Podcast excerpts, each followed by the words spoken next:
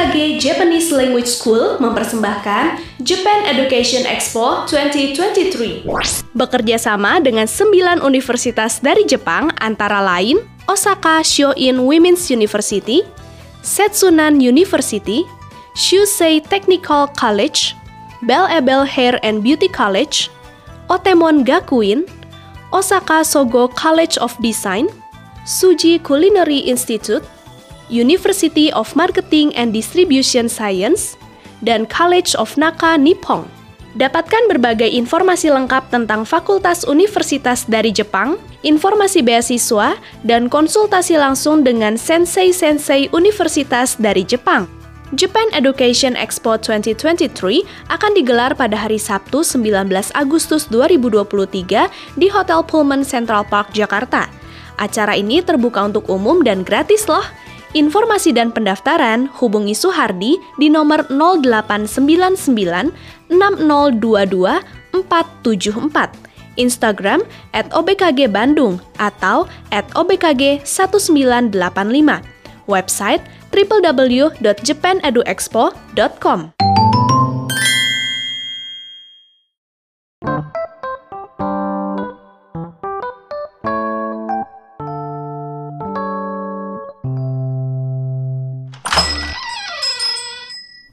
들어오세요. 드라마 리뷰를 하겠습니다.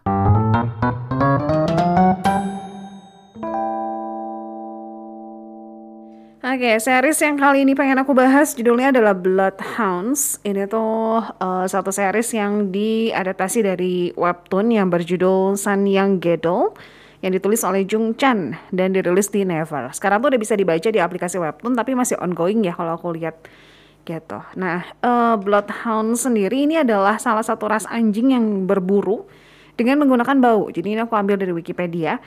Dan anjing ini awalnya dikembangbiakan untuk memburu rusa, babi hutan, dan semenjak abad pertengahan juga dipakai untuk melacak orang.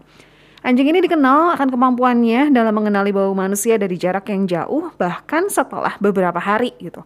Nah, indera penciumannya sangat kuat ini ditambah dengan instingnya dalam melakukan pelacakan, menjadikan anjing ini sebagai salah satu anjing yang sering digunakan oleh polisi untuk mencari tahanan yang melarikan diri, kemudian mencari orang hilang, ataupun hewan peliharaan yang hilang. Secara garis besar, series ini tuh nyeritain tentang rentenir lah bisa dibilang orang yang memberikan pinjaman gitu.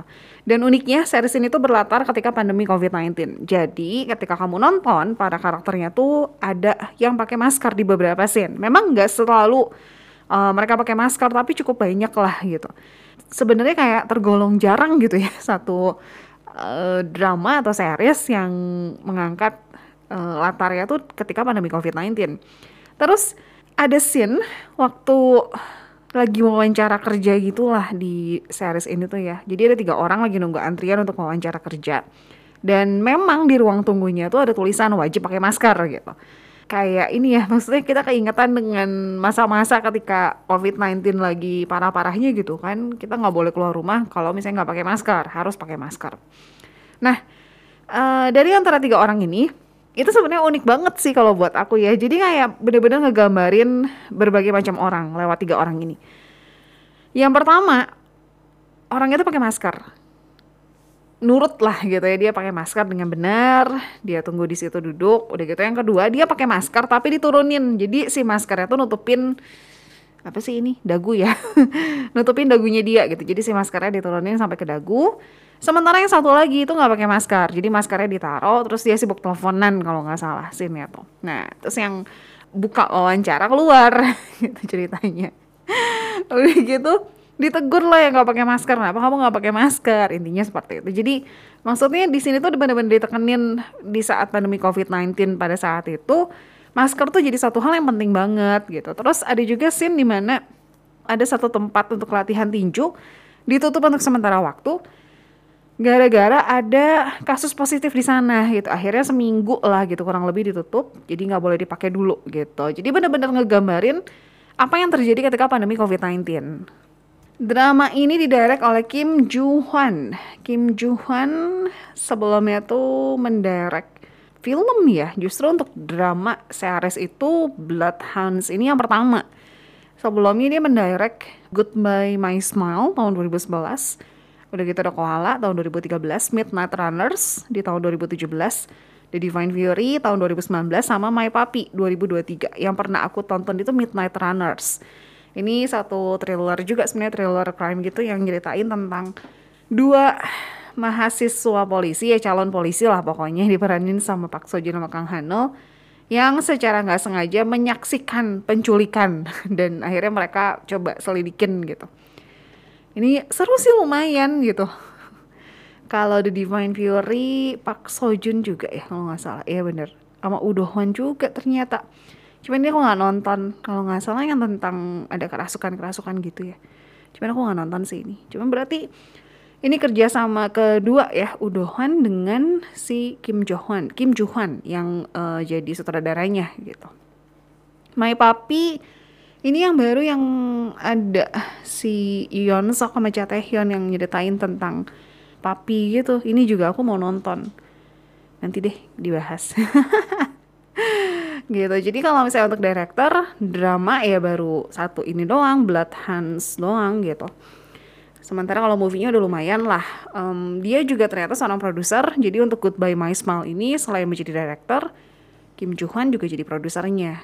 Terus dia juga screenwriter ternyata. Untuk Goodbye My Smile, terus untuk Koala, untuk Divine Fury, sama Bloodhounds juga. Kim Joo Hwan yang jadi writernya bareng-bareng sama penulis webcomicnya which is namanya Jung Chan gitu. Uh, ini adalah series original Netflix yang cuma bisa kamu tonton di Netflix aja. Uh, total episode-nya ada 8 dan sama seperti original series Netflix lainnya yang langsung dirilis sampai beres gitu. Ya, sama kayak original-original lainnya dan biasanya memang rata-rata kalau original series terutama yang si episodenya tuh nggak terlalu banyak maksimalnya 12 atau 10 gitu pasti dirilis di hari yang sama sekaligus oke okay, um, jadi drama ini nyeritain tentang ada satu perusahaan yang memberikan pinjaman uang. Dipimpin perusahaan ini tuh sama satu um, orang namanya Ho kelihatannya kejam dia tuh. Mungkin dari segi pakaiannya kayak wah oh, ini yakuza deh kayaknya gitu loh. Soalnya memang bener dia tuh kelihatan kayak dingin. Apalagi kan uh, karakter Tae-ho ini diperanin oleh wait ya aku sambil cari Ho Jun Ho. Ho Jun Ho itu aku nontonin drama-dramanya dia. Rata-rata itu drama-dramanya dia jadi antagonis. Misalnya nih ya aku nonton dia pertama kali di mana ya? Bentar ya aku sambil lihat ya. Dia tuh ada di Beautiful Mind. Beautiful Mind tapi aku nggak beres sih. Terus aku juga agak sedikit lupa karakter dia tuh jadi apanya gitu. Karena aku cuma nonton di bagian depan untuk dibahas aja dan gak aku beresin udah gitu aku nonton Come and Hug Me. Dia di situ jadi antagonisnya dan jahat banget. Udah gitu uh, dia juga ada di Kingdom. Tapi Kingdom juga aku lupa dia jadi apa ya. Jadi yang jahatnya atau yang baiknya ya. Karena udah lama. Terus dia ada di uh, Missing the Other Side, tapi di Missing the Other Side kan dia jadi karakter utama yang baiknya gitu. Udah gitu dia ada di Why Heart, juga ada di Snowdrop juga, Undercover juga gitu. Cuman yang aku inget dari dia adalah dia tuh ya mainnya main karakter antagonis gitu dan dapat banget ketika dia main antagonis tuh jahatnya tuh kayak bikin emosi yang nontonnya gitu loh. Sementara di sini, makanya begitu dia muncul, aku pikir kayaknya ini penjahat deh. Walaupun kelihatannya kejam, tapi sebenarnya karakter dia tuh punya hati yang baik, baik banget di antara para uh, penagih hutang yang lain. Dia tuh punya hati yang sangat amat baik. Contohnya apa? Dia tuh suka kasih pinjaman tanpa bunga ke orang-orang yang memang membutuhkan. Jadi dia, li dia lihat si kondisi orang yang minjem uang ini seperti apa. Misalnya ada keluarga yang memang butuh uang untuk pengobatan, dan biasanya pengobatan kan butuhnya juga lumayan besar ya nominalnya gitu akhirnya dia kasih pinjaman tanpa bunga gitu loh jadi sebaik itu dia tuh cuman problemnya adalah lama kelamaan tuh ada yang ganjil yang terjadi di perusahaannya dia. Jadi ada beberapa orang yang pinjam uang sama perusahaannya dia lalu ditemukan bunuh diri. Beberapa orang gak cuma satu atau dua gitu beberapa orang. Dan ini tuh yang bikin dia kok aneh ada apa gitu. Puncaknya adalah ada satu ayah yang minjem uang dari Choi Tae-ho. Um, tujuan dia pinjam uang itu untuk pengobatan anaknya yang um, sakit kanker tulang di usia berapa masih di bawah 10 tahun, 8 tahun nih kalau nggak salah. Dia butuh uang untuk pengobatan anaknya dan sesudah anaknya menyelesaikan pengobatannya dan udah dinyatakan sembuh di usia 10 tahun dan pinjamannya pun tanpa bunga gitu. Terus tiba-tiba ayahnya ditemukan bunuh diri. Aneh gitu. Apa yang sebenarnya terjadi? Dan ini yang mulai mengganggu Ceteho. Kenapa ya? Ada apa ya? Padahal pinjamannya tanpa bunga gitu. Terus anaknya juga udah sembuh. Aku lupa apakah pinjamannya itu udah udah beres atau belum. Pokoknya kayak nggak ada reason untuk dia melakukan hal bunuh diri mengakhiri hidupnya itu. Tapi kenapa tiba-tiba dia mengakhiri hidupnya? Ada apa gitu? Akhirnya dia coba selidikin dan cari tahu apa sih yang sebenarnya terjadi. Bareng sama anak buahnya, dia coba cari tahu, tanya-tanya ke tetangga dan lain sebagainya. Akhirnya ditemukanlah satu fakta yang cukup mengejutkan sekali. Jadi ada an satu anak buah dari Cheteho, namanya itu Kim Yong Gil, yang diam-diam melakukan penagihan dengan cara yang kasar dan brutal. Dia ngancem dan kasih kontrak palsu yang buat para peminjam uang itu harus membayar bunga yang tinggi. Dan kalau misalnya mereka gagal untuk membayarnya, bunganya bakalan nambah kayak berkali-kali lipat gitu loh. Jadi kayak itu kontrak bener-bener kontrak yang ah nyebelin banget lah gitu istilahnya ya. Karena CTH tahu udah banyak korbannya, para apa ya sebutannya nasabah yang pinjam uang ke dia gitu. Terus akhirnya malah jadi mengakhiri hidup mereka karena nggak bisa bayar bunga bunganya itu. Dan uangnya pun nggak masuk ke perusahaannya CTH gitu. Malah masuknya tuh ke Kim Yong Gil gitu. Si jahat ini yang nyebelin yang haus akan uang yang serakah banget yang bener-bener udah dibutain sama uang. Akhirnya gimana caranya nih gitu? CTH aku bingung sih antara bilang salah atau enggak keputusannya ini. Tapi dia memilih untuk menutup perusahaannya dan membubarkan anak buahnya. Walaupun memang anak buahnya kita kan selalu bersama gitu setia kawan banget lah. Tapi CTH-nya tetap bersikuku nggak uh, mau bubarin perusahaan dan yuk kita pisah aja di sini gitu. Sebenarnya ada satu hal yang bikin aku ganjel gitu. Kenapa sih CTH tuh nggak negur langsung Kim Yong Gil? Why gitu? Pada saat itu kan sebenarnya bisa langsung ditegur which is dia tuh atasan gitu. Kenapa nggak ditegur langsung gitu eh Kim Yong Gil sini gitu. Manggil misalnya terus ditegur. Kenapa nggak dilakuin itu gitu? Kenapa dia kayak seolah-olah tuh kayak pura-pura nggak -pura tahu apa yang Kim Yong Gil lakukan di belakang dia gitu loh. Padahal kan sebenarnya dia tahu. Itu agak sedikit ganjel. Ah ya Singkat cerita pokoknya si Kim Yong Gil yang jahat ini yang udah serakah banget soal uang yang bener-bener ya aku bilang apa ya maniak uang banget gitu. Sesudah dibubarkan, dia tuh ngerampok berangkas milik Choi Tae-ho. Jahat ya, padahal tuh ya aku spill sedikit ya. Kim Yong Gil itu awal mulanya kenapa dia bisa kerja sama Choi Tae-ho, ketemu di penjara dan Kim Yong Gil janji dia pengen punya kehidupan yang baru, dia pengen berubah gitu akhirnya sama CTH dikasih kerjaan ternyata kayak gini gitu ih ah. ya pokoknya dia ngerampok berangkas milik CTH pokoknya keadaan tuh berantakan banget terus anak buah Pak Choi kan udah dibubarin ya kondisinya kan ya udah pada ke mana gitu Walaupun memang kayaknya durasi waktunya nggak gitu lama pada saat CTH memberikan pengumuman kalau kita udahan ya gitu. Cuman kan ya nggak ada di perusahaan itu kan, pasti mereka juga mungkin udah ada yang pulang atau ada yang pergi ke mana gitu loh. Dan pada saat kejadian itu Pak Choi itu sendirian. Ya memang ada satu kepala keamanan namanya Pak Oh yang juga ngebantuin dia. Tapi yang untuk menghadapi Kim Yong Gil yang jahat ini ya cuman Pak Choi aja gitu. Sementara Kim Yong Gil itu bawa satu orang. Dia tuh dulunya atlet MMA yang dikeluarkan karena melakukan satu kesalahan akhirnya jadi ikut Kim Yong Gil dan setia banget sama Kim Yong Gil Ya pokoknya sesuatu terjadilah malam itu. Kim Yong Gil berhasil mencuri berangkasnya Pak Che dan dia mulai membangun sebuah perusahaan pinjaman yang dikasih nama Smile Capital.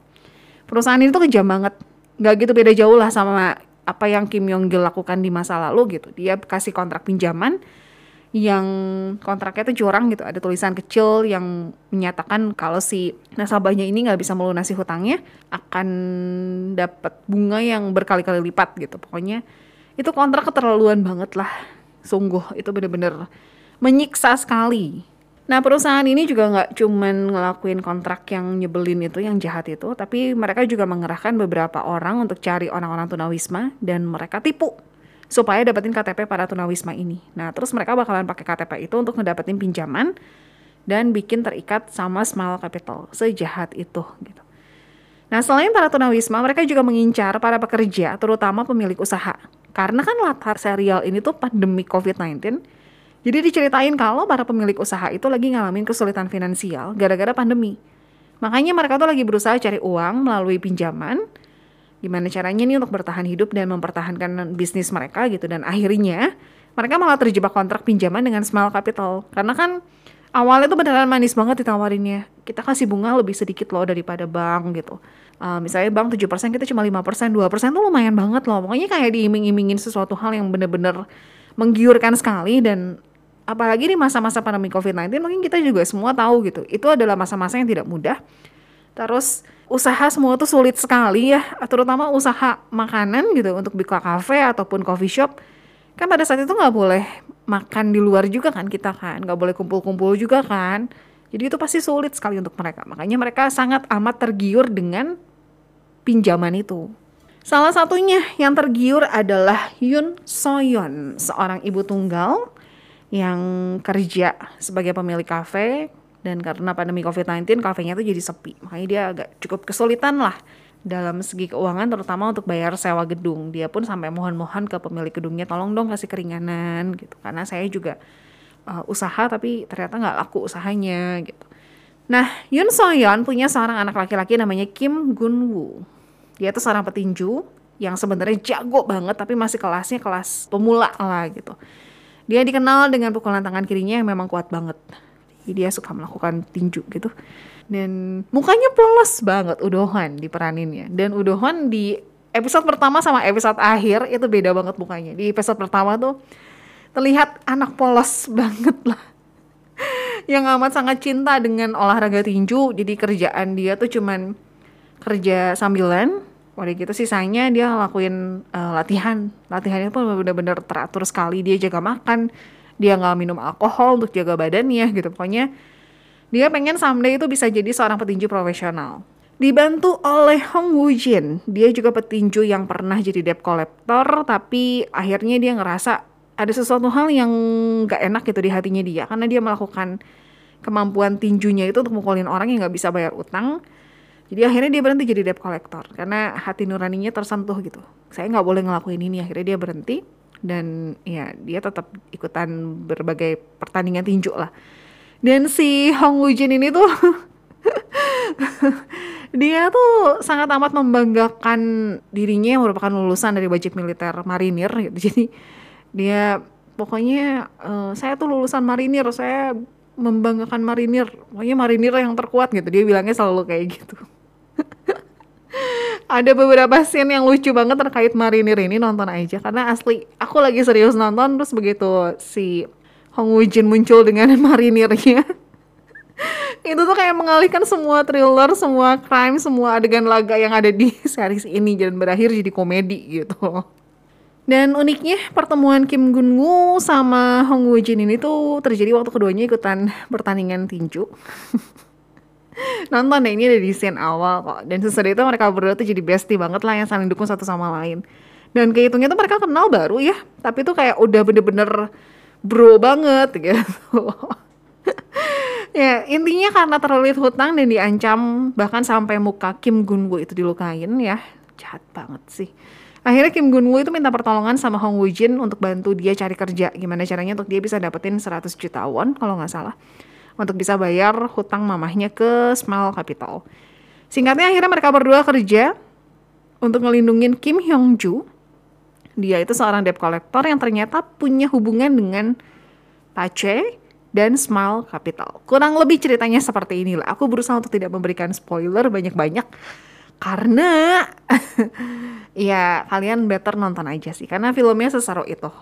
Kalau buat aku ya film ini seru banget adegan laganya.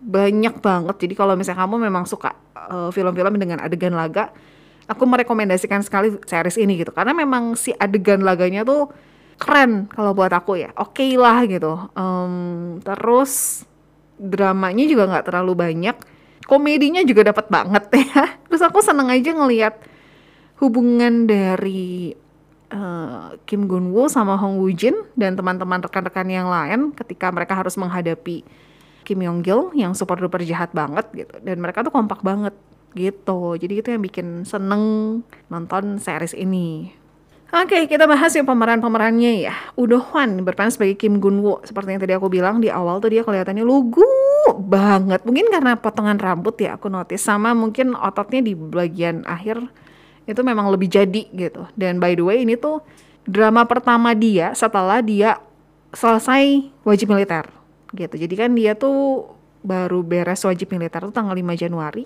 Eh 5 Januari eh iya bener 5 Januari 2022 masuknya tuh di 6 Juli 2020 Udohwan sebenarnya selain Bloodhound di tahun 2023 ini tuh ada satu drama lagi kan yang juga udah beres deh seingat aku. Judulnya tuh Joseon Attorney a Morality.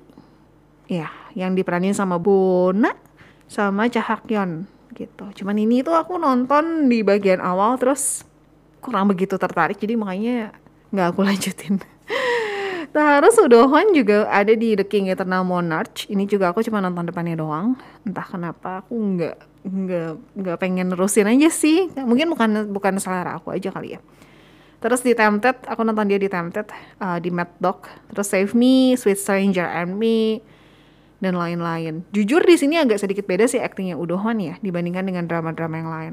Karena kalau di drama-drama yang lain kayak dia tuh punya karisma tersendiri. Sementara di drama ini tuh um, di awal-awal ditampil ini image-nya tuh polos gitu. Bener-bener anak yang suka olahraga dan dia pengen bantuin mamahnya untuk melunasin hutang. Udah itu aja. Nggak ada tujuan untuk balas dendam dan lain sebagainya. Makanya mukanya polos banget cuma di bagian akhir ke episode-episode akhir kelihatan lebih matang sih gitu dari segi karakternya terus dari segi uh, tinju kemampuan tinjunya itu jauh lebih matang Terus yang berperan sebagai Hong Woo Jin adalah Lee Sang Yi. Jujur aku terakhir nonton dia itu kan di drama Hometown Cha-Cha-Cha sebenarnya. Tapi ini tuh bukan drama, jadi bukan beres Hometown Cha-Cha-Cha terus dia langsung main Bloodhounds, enggak. Ada drama-drama lainnya, cuman aku enggak enggak gitu nontonin gimana gitu kayak Pung di Joseon Psikiatrik dia ada tapi cuma di satu episode doang terus dia ada di Yumi Cell Yumi Cell kan aku nonton juga nggak sampai beres dia sempat muncul juga kan di Crash Course in Romance. Cuman karakternya tuh beda banget sama di drama ini kalau aku ngerasa. di sini tuh dia tuh lebih yang karakter yang um, sangat amat membanggakan sekali marinir again ya. Terus dia setia kawan sekali. Terus dia tuh um, akan melakukan yang terbaik untuk orang-orang yang memang ada di sekitar dia dan dia sayang gitu. Sosok Hyung yang sangat amat menjaga adiknya lah gitu. Dia tuh kurang lebih seperti itu. Kalau dibandingkan dengan hometown Caca kan dia kayaknya lebih serius gitu. Kalau di sini tuh lebih yang ya komedi lah dia tuh. Gitu. Um, terus ada Kim Saron di sini dia berperan sebagai Kim Hyun Joo aku nonton ini ya Bloodhounds itu salah satu project Kim Saron yang terancam untuk di cancel karena Kim Saron kan kena kasus uh, mengemudi dalam keadaan mabuk. Terus Bloodhounds ini salah satu drama yang ragu-ragu gitu apakah akan memunculkan Kim Saron atau enggak. By the end mereka memutuskan untuk memunculkan Kim Saron karena Kim Saron ini sebagai salah satu pemain yang merupakan kunci penting lah gitu di drama ini. Dan gak kebayang kalau dia harus dihilangkan atau dipotong scene ya. Itu bakalan plot hole banget di drama ini. Makanya sebisa mungkin gimana caranya tim produksi pun berusaha untuk meminimalisir scene-nya dia. Tapi overall aku nonton nggak ada plot hole. Ada sih sedikit plot hole-nya tapi masih oke okay lah gitu. Dan di sini acting Kim Saron bagus banget. Jadi makanya begitu nonton tuh aku menyayangkan ya kenapa dia harus kena kasus? Ya gitu karena actingnya tuh bagus banget sebenarnya. Drama-dramanya dia tuh bagus-bagus. Cuman ya gimana lagi ya? Udah kejadian gitu ya. Gimana lagi? Yang jadi Kim Yong Gil adalah Pak Sung Woong. Aku terakhir nonton dia itu di Unlock My Boss. Di sini karakternya super duper. Ngeselin banget karena dia jadi antagonis yang kejam yang melakukan apa pun demi kekayaan, demi uang, demi emas gitu. Sungguh sejahat itu. Dia sebenarnya udah cukup banyak main drama ataupun film ya. Kalau drama ada uh, Remember War of Sun, kemudian Squad 38 ada Man to Man juga um, 100 Million Stars from the Sky When the Devil Calls Your Name Crash Landing on You Terus dia ada di Snowdrop juga. Hmm, dan untuk tahun 2023 projectnya tuh ada dua Bloodhound sama satu lagi National Death Penalty Foot ya gitu. Jadi ya sudah cukup sering muncul di drama-drama sebenarnya ataupun di film-film gitu. Pak Sung Woong. Udah gitu di sini ada penampilan dari Choi Siwon. dia benar-benar keluar dari zona nyaman sekali ya. Karena biasa aku nontonin dia tuh romance, uh, tipikal karakter yang di mana dia tuh cowok yang rela berkorban untuk melakukan apa pun demi cewek yang dia suka. Di sini tuh beda banget. Jujur karakternya agak sedikit mengesalkan. Dia tuh jadi anak orang kaya yang dilindungi sekali sama keluarganya tapi tersandung satu kasus yang berhubungan dengan Kim Yong Gil yang akhirnya bikin dia tuh jadi super duper egois banget. Dia nggak peduli apa pun yang penting kasusnya tuh bisa cepat selesai gitu. Itu, itu untuk Choi Siwon. Terus ada penampilan dari Park Hun juga di sini, jadi salah satu anak buahnya Pak uh, Pak Choi. Udah gitu, ada satu lagi yang perlu di highlight adalah, bentar ya, mana ya? Ntar aku cari dulu ya. Kim Min Jae. Kim Min Jae juga kan baru beres Dokter Romantik yang ketiga kan. Nah dia ada di sini, walaupun scene-nya sebentar sekali ya tapi sukses bikin aku emosi ketika nonton. Ih nih orang ya gitu. Ya um, kalau aku kasih nilai drama ini aku kasih nilai 8 karena memang sebenarnya bagus sih dramanya gitu. Terus um, yang aku senang lagi karena mengangkat satu topik yang juga cukup jarang untuk dibahas ya tentang rentenir. Terus apalagi ditambah dengan latarnya di masa pandemi COVID-19 gitu. Jadi bikin drama ini tuh menarik banget dan kalau teman-teman mau nonton tersedia di Netflix.